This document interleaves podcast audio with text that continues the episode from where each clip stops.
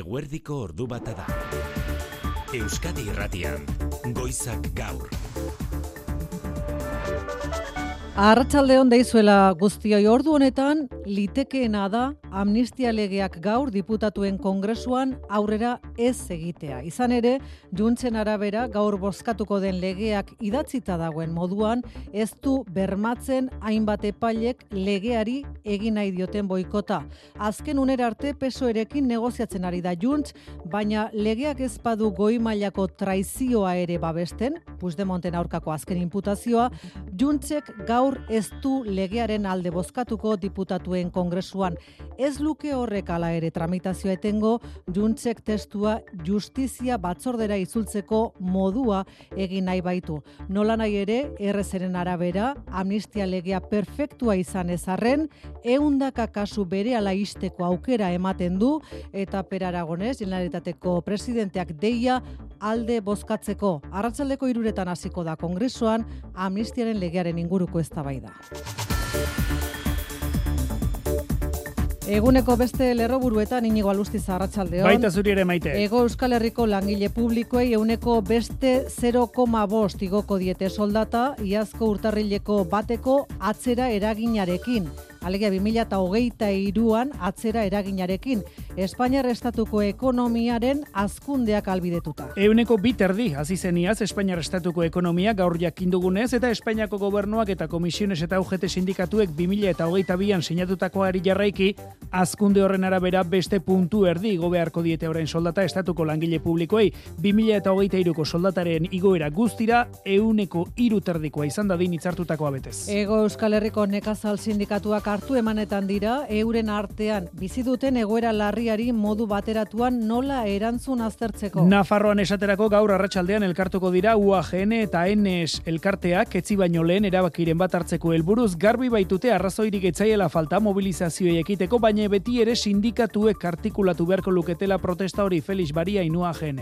No queremos a ningún político ni a ningún partido político en nuestras movilizaciones. Frantzia restatuan bitartean laborariek Paris inguruko autobideak blokeatzen jarraitzen dute arratsaldeko hiruretan Gabriela Tal lehen ministroak Asamblea Nazionalean iragarritzakeen neurrien zain.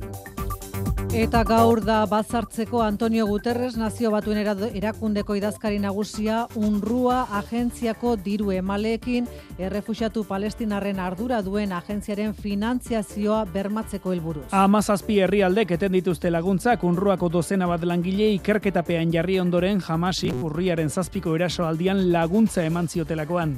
Yo confío que poco a poco eh, vaya revertiendo la situación. Dejar de financiar a UNRWA es condenar a millones de personas. Egoera pixkanaka baretuko den itxaropena azaldu digu Euskadi Irratian Raquel Martí Unruako Espainiako zuzendariak bestela Gazako 2 milioi herritarrak eriotza zigorrera kondenatzea bailitzateke bere esanetan. Gasteizen Unruaren zata aurrikusitako diru laguntzari eutxiko diola bai estatu dio jaurlaritzak Raquel Martiri. Eta Ipar Irlandan. I'm pleased to report that the party executive has now endorsed the proposals that I have put to them. Ia bi urteko blokeo politikoari amaiera eman dio DUP alderdi unionista. Jeffrey Donaldson unionisten buruak iragarri du Brexitak eragindako oztopoak gainditzeko akordioa lortu dutela erresuma batuko gobernuarekin eta horrek bide emango lioke orain Ipar Irlandan parlamentua eta gobernua osatzeko aukerari. Ala balitz lehen aldiz Sinn Féin alderdiek izango luke Ipar Irlandako ministro nagusi kargoa. Aktualitate politikotik aterata berehala emango dizuegu telepazi edo telepatia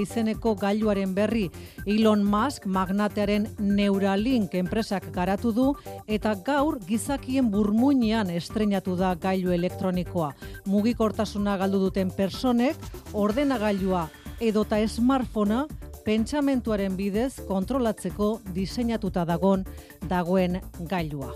Errepide sare nagusian aparteko gora berari gabe gudakigula orduanetan, hause urrengo orduetarako Euskalmeten pronostikoa. Kaixo, ba, kantauri xuraldean e, giro eguzkitsuak e, jarraipena izango du datozen e, orduetan, leku gehienetan oskarri egongo da, eta aldiz e, mediterrene xuraldean ba, odeitxu mantenduko da zerua. Datozen orduetan, e, arabako lautaban eta nafarro erdialdean, ba, zenbait lekutan, ba, zertxo baite saretu liteke odeitza hau, baina egualdean ez du altxako eta ondorioz e, apenas mugituko den temperatura. Maksimoak, ba, amar bat graduren bueltan geldituko dira zonalde hoietan. Kantauri xuraldean berriz, ba, guzkiarekin amazazpi edo emezortzi sortzi gradu ingurura iritsiko dira beroenak. Eta bihar asteazkena, ba, egoera berdina errepikatu liteke. Ez dakigu eguraldi epelak lagunduta edo bestelako arrazoiengatik, baina Nafarroan sekula etzen ikusi baso jarra gizakiaren gandik hain gertu larra belaguan eskipistetan, parkinean eta aber agertu dira baso jarrak azken egunotan kontatuko dizuegu xetasunez albistegian. Kiroletan Jose Maria Paula Zarratxaldeon. Arratxaldeon, maite. Saski baloian Baskoniak Euroligako bi partida aste honetan. Bai, eta saiatuko da playoffeko postu eta eskuratzen gaur eta ostegunean dituen bi partidoietan. Gaurkoa munitzen dauka Bayerren aurka eta etzikoa Gasteizen Tel Avivko Makabiren kontra. Nazioarteko futbolean arreta eske Afrika eta Asia futbol kopak. Bertan bi Euskal Herritar izan ditugu Jesus Owono Ekuatore Ginearekin eta Yasser Ahmed Palestinarekin. Bueno, babiak lehiaketatik kanpo utzi dituzte. Hala ere arreta gunea izango dugu. Esate baterako gaur alabeseko Apkar Maroko Ego Afrika partidan izango da eta Traore Realekoa Mali Burkina Fason. Bihar take kubok Barein Japonia partidan hartuko du parte. Eta pilotan berezkoak aipatu behar ditugu ustakabeko emaitza izan baita. Bart Garazin Vicente Bideondok menderatu egin du lehen jardunaldian peio larralde. Eta Winter Zesta lehiaketan goikoetxe eta lekerika finalean ditugu. Ordu bat aterdietan kirolegez eta dakizuenez ordu biterdietan kultur leioa, Bilboko gutun zuriak letren nazioarteko jaialdiak pres du aurtengo egitaraua manuetxe sortu. Berba Dariola izenburu hartuta egingo dute aurtengo gutun zuria letren jaialdia Bilboko azkuna zentroan otsailaren hogeita zazpitik martxoaren bira. Idazlek eskinitako hitzaldi eta solasaldi eskaintza zabala adibide batzuk nerei barzabalen eta arantxa eta bizkaiaren solasaldia Miren Agurmeabe, Sonia Rueda eta Inun kantariaren ikuskizuna Miren Amuriza, Malen Amenabar eta Inigo Astiz poesiaz. Fernando Pérez azkuna zentroko zuzendariak azmarratu du berrogeita mar sortzaile pasako direla gutun zuritik. Arteen eta literaturaren, antzerkiaren, dantzaren, idazketaren eta irudiaren argitaletzen eta liburu den truke askotarikoetan parte hartzen dutenak. Izan ere, praktika eta jakinmin horiexen arteko da jaialdiaren muina. Gaztrerazkoen artean, azkunatik igaroko dira Rosa Montero, Jorge Carrion, Isaac Rosa, Lucia Litmaer, Marta Sanz eta Abar Luzea. Aipatu ditugunez gain maite, bi izen propio, gutun zuriaren sari emango diete Maria Zulandari eta Juan Maiorga antzerkigile Madrildarrari. Ordu bata eta zazpi minutu dira Xabi Gallastegi eta Xabi Iraola teknikan eta errealizazioa. Euskadi Irratian. Goizak gaur. Maite Artola. 2023 garren urtean tximuekin egindako frogen emaitzen inguruko eztabaida oraindik bizi-bizi dagoenean, gaur jakinarazi du Elon Musken Neurolink enpresak jada gizakiekin hasi dituztela telepazi edo telepatia izeneko gailuarekin frogak txipori persona baten burmuinean txertatuta. Mugikortasuna galdu duten personek ordenagailua edota smartphonea pentsamentuaren bidez kontrolatzeko diseinatuta dago gailua. Jokin aierregarei. Elon Musk is saying his Neuralink has successfully Igandean egin zen ebakuntza, mugitzeko asmoa kontrolatzen duen garuneko eskualdean txip bat txertatu dio Neuralinkek afekzio neurologikoak dituen pertsona bati. Oraindik goiz bada ere, Elon Musk positiboa azaldu da, hasierako emaitzek gaiur neuronalen detektatzea erakusten baitute. Lehen fasean gorputza darren erabilera galdu dutenei bideratuta egongo da telepati izeneko txipa. Maskek berak isasarean aderazi duenez, Stephen Hopkins mekanografo azkar bat edo enkantegile bat baino azkarrago komunikatu izatea. Hori da helburua. Ameriketako estatu batuetako elikagai eta sendagaien administrazioak pasaden urtean baimendu zituen gizakien ganako frogak, tximinoetan egindako implantazioak izandako emaitzen ondotik. Gizartean ez da sortu duen erabakia. Zenbait legegileek eta animalien ongizaterako elkartek salatu dutenez, entxegu klinikoen albaitaritza erregistroek tximinuengan konbultsio paralisi eta bestelako arazoak eman direla salatu dute. Adimen artifizialari lotuta interesgarria bestalde Luxemburgeko auzitegiak datu biometrikoen inguruan gaur kaleratu duen epaia. Ez da legezkoa, dio Luxemburgok, agintariek preso egondako persona baten datu biometriko edota genetikoak denboran nahi bezain beste erabiltzea. Persona horrek bere zigorra betea baldin badu, bere datuak ezabatu egin behar direla dio Europar Batasuneko justizia auzitegiak delituaren larritasunak besterik justifikatzen ez badu behinik behin Amaia Portugal. Arratsaldeon Bulgariako herritar badago Europar Batasuneko Justizia Auzitegiak argitaratu duen aurre judizial honen abia puntuan. Urtebeteko zaintzapeko askatasun zigorra ezarri zioten lekukoza faltsua emateagatik, ura bete zuenean eta errehabilitazioa gauzatuta, zigortu zutenean hartu zizkioten datu biometrikoak eta genetikoak ezabatzeko eskatu zuen, baina erantzun zioten Bulgariako zuzenbidearekin bat hilarte horiek gordetzeko eskubidea zutela. Luxemburgok ebatzi du ordea Europar Batasuneko legeen kontra duala hori. Gertalitekela zigorra beteta ere horiek gordetzeko argudioak izatea esaterako delitua berezikilarria bada eta beste delitu batzuetan pertsona horrek zerikusirik baduen argitzeko beharra baldin badago. Baina justifikatuta egon beharra duela bestela ez dela zuzena orokorkeriaz eta sistematikoki datu gordetzea pertsona hilarte. Ordu bata eta mar minutu jaularitzaren gobernu bilera osteko agerraldian iragarri du bestalde gotzone sagardu osasun zailburuak lehiaketara atera dutela jada protonterapia zentro hartuko duen eraikuntza lanen lizitazioa edo esleipena minbiziaren aurkako borrogan, borrokan abanguardiako tratamentua eskeniko duen makina jarriko dute zentro horretan ekaitzagirre. Gaurtik hasita hogeita lau hilabete, bi urteko EPEA aurre ikusten du gotzone sagardu isailburuak zentroa martxan jartzeko. Minbiziaren tratamendurako protonterapia unitate berria bi urteko epean errealitate bihurtzeko pauso itzela eman dugula da. Inbertsioa gure kargudoa guztira irurogei milioi euro Eraikinak bederatzi mila sei eta hogeita bost metro kuadroko azalera izango du eta lau solairu horietako bi lurrazpian. Bertan jarriko dute tumoreen aurrean abangoardiako tratamendua eskaintzen duen protonterapia makina, Amanzio Ortega Fundazioak emandakoa. Erradiazio dosia hobeto banatzea ahalbidetzen du eta ehun osasuntxuei kalte egiteko arriskua murrizten. Eta horrek, gerora begirako biziraupenaren gain eragin positibo zuzena du bereziki paziente pediatrikoetan. Hau da, aurren kasuan, beraien garapena eta etorkizuneko osasuna babestu. Osakidetzak kudeatu eta Nafarroa Herrioxa, Kantabria, Burgos eta Soriako herritarrentzat ere erreferentziazko gunea izango da. Eromen eguna gaur Madrilen ordu honetan juntzen mehatxua pesoeren mai gainan dago. Gaur arratzaldean diputatuen kongresuak bozkatuko duen amnistia legearen aurka egingo du edo alde ez behintzat pesoek ez badu onartzen juntzek lege hori epailen interpretaziotatik gehiago babesteko planteatu dituen zuzenketak. Izan ere, botere judizialaren hainbat estamentuk legeari boikot egiteko asmoa ikusten du juntzek eta besteak beste goimailako traizioaren delitua ere legeak babesteko moduaren bilari da ordu honetan Madrid Mikel Arregi Arratsaldeon.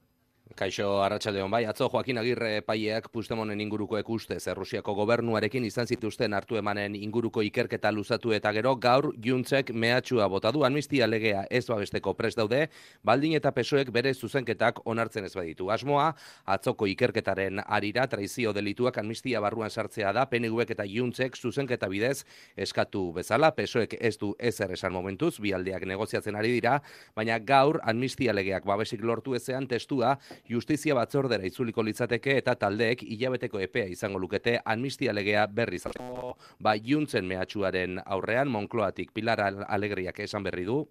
Permítame eh, eh trasladarles el firme compromiso Gobernuak bere horretan mantentzen duela amnistia legearen aldeko jarrera irmoa eta orain kongresuko taldeen txanda dela adostasunera heltzeko investidura babestu zuten talde guztiek espero bezala. Egungo amnistiaren testuaren alde egingo dute gaur tartean Eskerra Republikanak Pere Aragonesek esan du Tenim una proposta robusta i, per tant, el que hem de seguir treballant és per... Gaur bozkatuko dena proposamen sendoa dela eta horregatik gaur aurrera egin beharko luke la tentsio azken momentura arte arratsaldeko zazpien bueltan bozkatu arte mantenduko da eta Partidu Popularrak egoera nasi hori probestu nahi du beste behin larrialdian dagoen Pedro Sánchezen kontra egiteko. Europa Forumek antolatutako gozarian bestalde luzen dugu gaur ekonomiaz pello txandiano EH Bilduren lehen dakari gaia. EA jota buru duen jaularitzak orain arte jarraitu duen ikuspegi neoliberala salatu du. Aberastasunaren birbanak eta planteatu eta interes publikoa pribatuaren gainetik jarri beharko litzatekela aldarrikatu du Otxandianok eta ez orain arte egin den moduan bere sanetan Petronorren moduko enpresen interesak lehen etxiz urtzigartzia. Eusko alderdi jeltzaleak ez du egoera ekonomikoaren irakurketa zuzen egin, ez eta arazo globalei aurre egiteko errezeta egokirik hartu ere, peio otxandieno. Surfean egin dugu globalizazio neoliberalaren olatu gainean.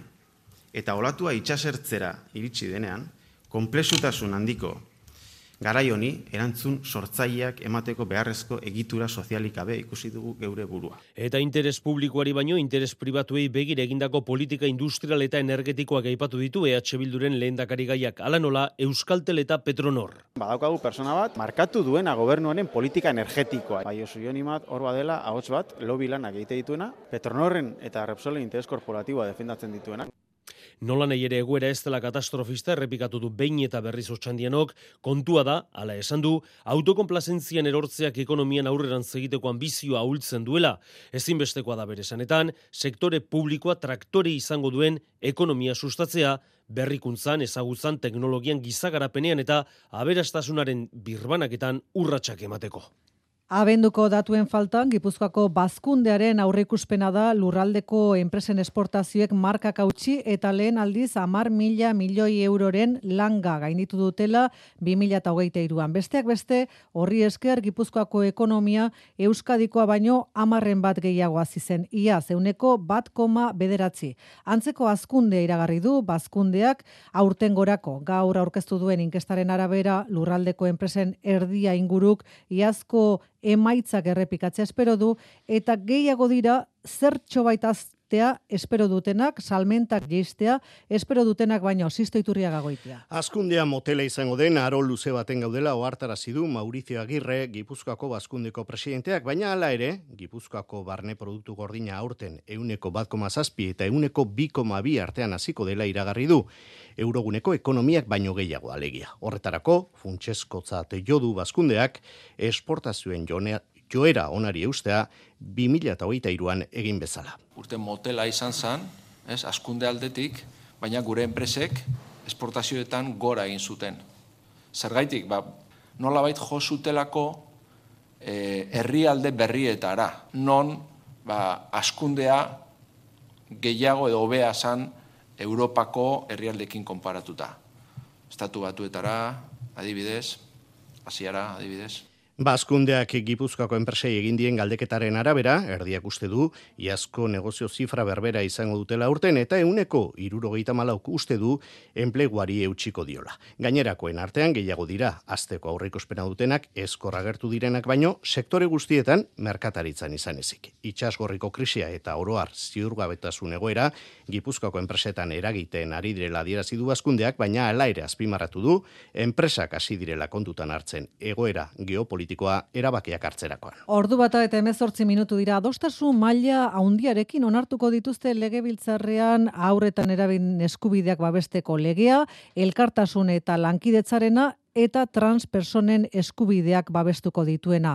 Azken aurreko tramitea gainditu dute gaur eta soilik alderdi populararen kontrako botoa islatu da azken lege honetan transpersonen eskubideen legeak babestekoan.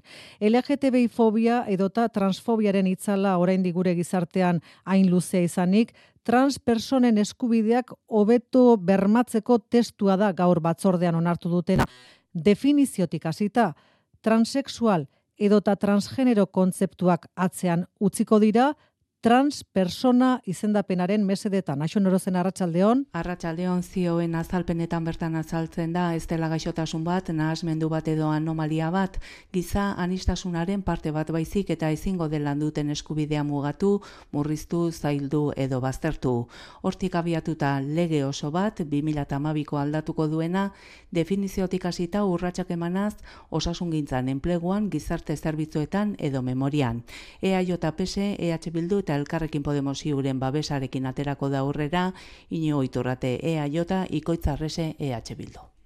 Legealdia bukatzear dagoenean horrela bukatzeko aukera izatea ba, modu pertsonalean bukitzen nau eta eta postasun handiz betetzen nau. Ezin dugulako kontrakoa permititu. Gaur gaurkoz, LGTB fobia eta bereziki transfobia eta gorroto diskurtsoak areagotzen ari direlako. Osakidetzak bermatuko dizkie tratamendu hormonalak eta ebakuntzak zalantzarik izan ezkero bigarren iritzi baterako eskubidea izango dute pertsona intersexualen kasuan mutilazioa debekatuko da esaterako aur bat jaiotzen denean genitalak ez moztea ambiguoak izateagatik. Transpertsonen oroimenerako egun batere izendatuko da eta lan hitzarmenetan txertatuko dira lan alorrean transpertsonen diskriminazioa saiesteko klausulak. Aurretiazko borondateen dokumentua medikuek eta erizainek ere bete izango dute aurrerantzean Euskal Autonomia erkidegoan. Gaur gobernu kontseiluak dekretu aldatu egin du. Hartara osasun sare publikoko medikuek eta erizainek aukera izan dezaten. Arduradun gisa jarduteko eta honek burokrazia azkartzeko. Marijo de Gracias Arratsaldeon Arratsaldeon maite. Ba mediku eta erizainek harreman zuzen eta estuagoa izaten dute pazienteekin eta konfiantzazko tratu horrek lagundu diezaieke gaitxu gaixoari, ba bizitzaren amaierari begirako erabakiak hartzen. Hori aurretiazko borondaten dokumentuan jasota gera dadin. Aurrerantzean, ba osasun profesionalek ere lagundu ahalko diotelako artean gaixoak gaitasunak dituzela, zehaztu talagadezan nola nahi duen izatea bere bizitzaren amaiera. Horregatik egoki iritzi dio osasun zailak, erizainak eta medikuak gehitzea azken borondaten erregistroaren eh, ardura horretara. Baina e, geroz eta gehiago direlako batez ere aurretiazko borondatea eskatzen duten pazienteak gotzone zagardu osasun zailburua. Helburua izan da eguneratzea realitateari batetik eskarien gehiagoratzea, gerota eskari gehiago daude herritarren gandik, Iaz, bederatzi mila izen emate egun ziren eta euneko berrogei da azken urtean, berrogeita amar mila azken borundate daude gaur egun erroldatuta. Eta notarioren aurrean egiten da gaur egun, edo hiru lekukoren aurrean egin behar izaten da dokumentu hori eta aurrerantzean, ba, gaur onartutako dekretuaren aldaketarekin, ala nahi duten medikuta erizainek ere aukera izango dute aurretiazko borundaten euskalaren erroldako arduradun izateko. Horretarako, osasun zailak mediku eta erizainen esku jarriko ditu bitartekari elektronikoak, ba nahi dutenek aholkularitza lan horretan parte hartzeko eskaria egin dezaten. Eta beste aldaketa bat ere jaso du dekretuak Euskadin bizi ezarren, baina Euskal Osasun Sisteman hartatzen diren herritarrek ere eskubide izango dute osakidetzako profesionalei agiri hori aurkezteko. Dabalo rauziari lotuta, jaularitzak uste du Arantxa Tapia sailburuaren izen ona zikintzea beste helbururik etzuela izan Jaime Ignacio del Burgo, Nafarroako pepeko buruzagioiak pasaden urrian haren aurka salaketa aurkeztu zuenean, Nafarroan bere garaian hautsak arrotu zituen dabalor hauziari lotuta. Eta hain zuzen, Maielen Arratibel gaur jakindugu fiskaltzak artxibatu egin duela tapiaren inguruko ikerketa Arratsaldeon. Arratsaldeon bai, Arantxa Tapia sailburuak pasaden abenduan deklaratu zuen fiskaltzaren aurrean ikertu gisa, dabalor hauziarekin lotura zuelakoan influentzia trafikorik egonote zen argitzeko. Hala ere, azken orduotan fiskaltzatik jakinarazi dute artxibatu egin dutela tapiaren inguruko ikerketa hori, eta beraz, ezerezean geldituko da Delburgoren salaketa. Jaurlaritzaren izenean,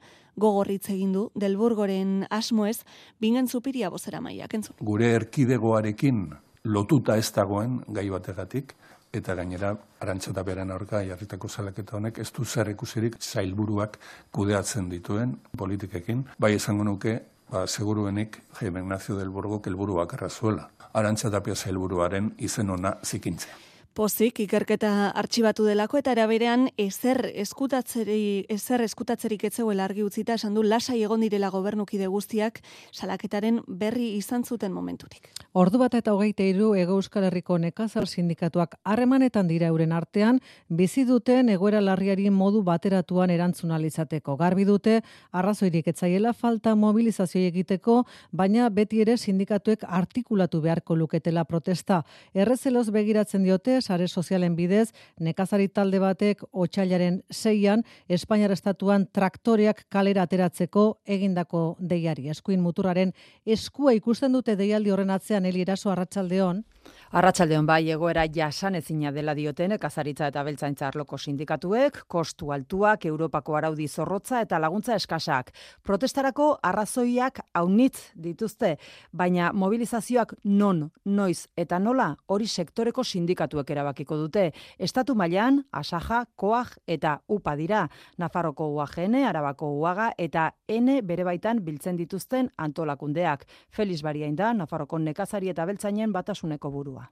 Esto va de sector y por tanto ahora no queremos a ningún político en nuestras Europako movilizaciones. nekazaritza politika bateratuan dago gakoa, sindikatuek diotenez, moldatu beharra dago, gauzak daudenetan, importazioekin ezin dutelako lehiatu. Iker Agirre, uagako kidea da. Bai, bai, mobilizatzioko arrazoia, ba, bai, hori dudari gabe. Kriston baldintza jartzen ari dira Europatik eta azkenian kanpoti datorren produktua ez dituko kumplitzen baldintza berdinak eta jendea larri dago orokorrean. Erantzun bateratu emateko helburuarekin beraz, sindikatuak hartu emanetan daude, eta etzi, osteguna, Madrilen erabakitzen dutenaren zai daude, estatuan mobilizazio bateratua zehazteko. Momentuz, ez dute bategin, otxailaren seian, traktoreak kalera ateratzeko deiarekin, sare sozialen bidez, nekazari talde batek traktoreak kalera ateratzeko egin duen deialdiarekin, izan ere, eskuin muturrak probetxu atera nahi diolakoan baitaude.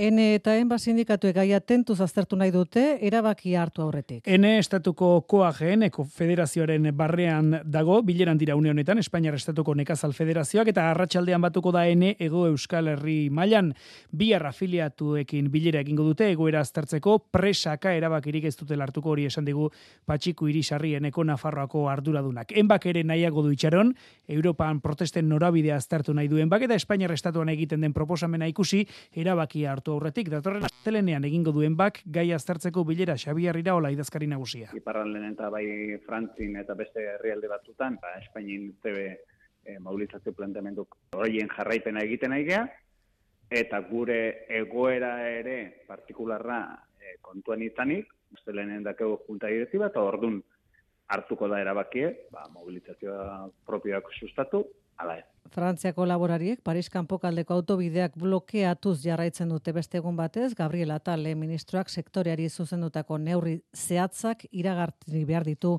gaur arratsaldean. Antonio Guterres nazio batuen erakundeko idazkari nagusia unrua agentziaren diru emaleekin batzartuko da, errefusiatu palestinarren ardura duen agentziaren krisi larriari irtenbidea aurkitu nahian. Amazazpi herrialdeek eten dituzte unruarentzat diru laguntzak bertako dozenaren bat langile jamasi laguntza emateagatik ikerketapean direla jakin ostean. Egoera bideratuko den itxaropena azaldu dio Euskadirratiari, agentzi honen Espainiako zuzendariak bestela Gazako 2 milioi herritarrak eriot zigorrera kondenatzea litzatekelako mertzitxe berria. Arratsaldeon Zelanda berria izan da diru iturria itxi dutenen zerrendara gehitu den azken herrialdea denera amazazpik hartu dute bide hori tartean dira unruaren hornitzaile nagusiak estatu batuak Alemania eta Erresuma batua bat diru iturriak bermatzeko aleginan Antonio Guterres nazio batuen idazkari nagusiak emalekin egitekoa duen bileraren atarian egoera bideratuko den itxaropena azaldu dio Euskadi Irratiari Raquel Martí unruako Espainiako zuzendaria. Dejar de financiar a UNRWA es condenar a millones de personas, como por ejemplo los 2.300.000 personas que estamos viendo en Gaza. Agentzia están... diru baliabiderik gabe ustea, gazan gose diren 2 milioi herritarrak eriotz zigorrera kondenatzea litzateke, martiren esanetan, Europar batasunak laguntzari eutxiko diola itzemandu Josep Burrell atzerri arduradunak, beti ere nazio batuen ikerketaren zai, Bruselak hala ere laguntzari eusteko eskatzen duen kanpo auditoriaz galdetuta. UNRWA ya puesto todas las medidas, eh, ha cancelado sus contratos. UNRWAk egin dezaken guztia egin duela, esan du Espainiako zuzendariak, ikerketapean diren langileak kanporatu, informazio guztia idazkari nagusiaren esku jarri, eta hemendik aurrera kontratazio prozeduretan kontrolak areagotzeko pres dagoela, beti ere aintzat hartuta gerra testu inguruan oso zaila dela milaka langileren jarduna lan orduetatik kanpo kontrolpean izatea. Eta albiztegia amaitu aurretik sarreran agindu dizueguna, urtarrilean izaten ari garen temperatura altuek Pirineo ia elurri gabe utzi dute eta horrek eragina du eskiatzailengan eskiatzeko aukera gutxirekin, baina Euskal Herriko gune altuenetan beste eraginen bat ere antzeman dute kasu honetan desagertzear dagoen animali batengan baso jarra Normalean oso izua den egaztia, baina behin baino gehiagotan ikusi dute azken aldian larra belaguako eskipistetan Aitor Perez Arratsaldeon. Arratsaldeon bai, Nafarroan lehen aldiz gertatu den fenomenoa da, baina izena ere badu. Honi hasieratik kokmu deitu zioten, oilar eroa baina gozoa, bai? Alegia jenden gana arrimatzen zen edo errepidera han zen, baina gero jenden gana etzen olarkorki gainera botatzen, ez? Miguel Mari Elosegi ingurumen teknikariaren hitzak dira asteak daramatzate larra belaguako ekskipisten inguruan lanean basoiarra babestu nahian azken abisua duela bost egun jaso zuten Julen Garjon eskipistetako arduradunaren eskutik. Rekogunean, duela bost egun, ba berriro eh, agertu zen hori e, refugio ondoan, eta gero ba, parkin erdian, bai kotxeen tartean. Aurretik eskipistetara jaisten ere ikusi zuten olio handi baten parekoa den egaztia goimendiko basoetako ikurrere badenak erabat ezoiko irudi eta soinuak utzi ditu. Eskandinavian edo Errusian ugariak diren arren Pirinioan oso baso gutxi gelditzen dira Nafarroan irubikote besterik ez eta temperatura epelek ez diete laguntzen elur eta hotzarekin ondo moldatzen diren animaliak baitira. Eskarrik asko aitor ordu bat aterdiak jo berriak.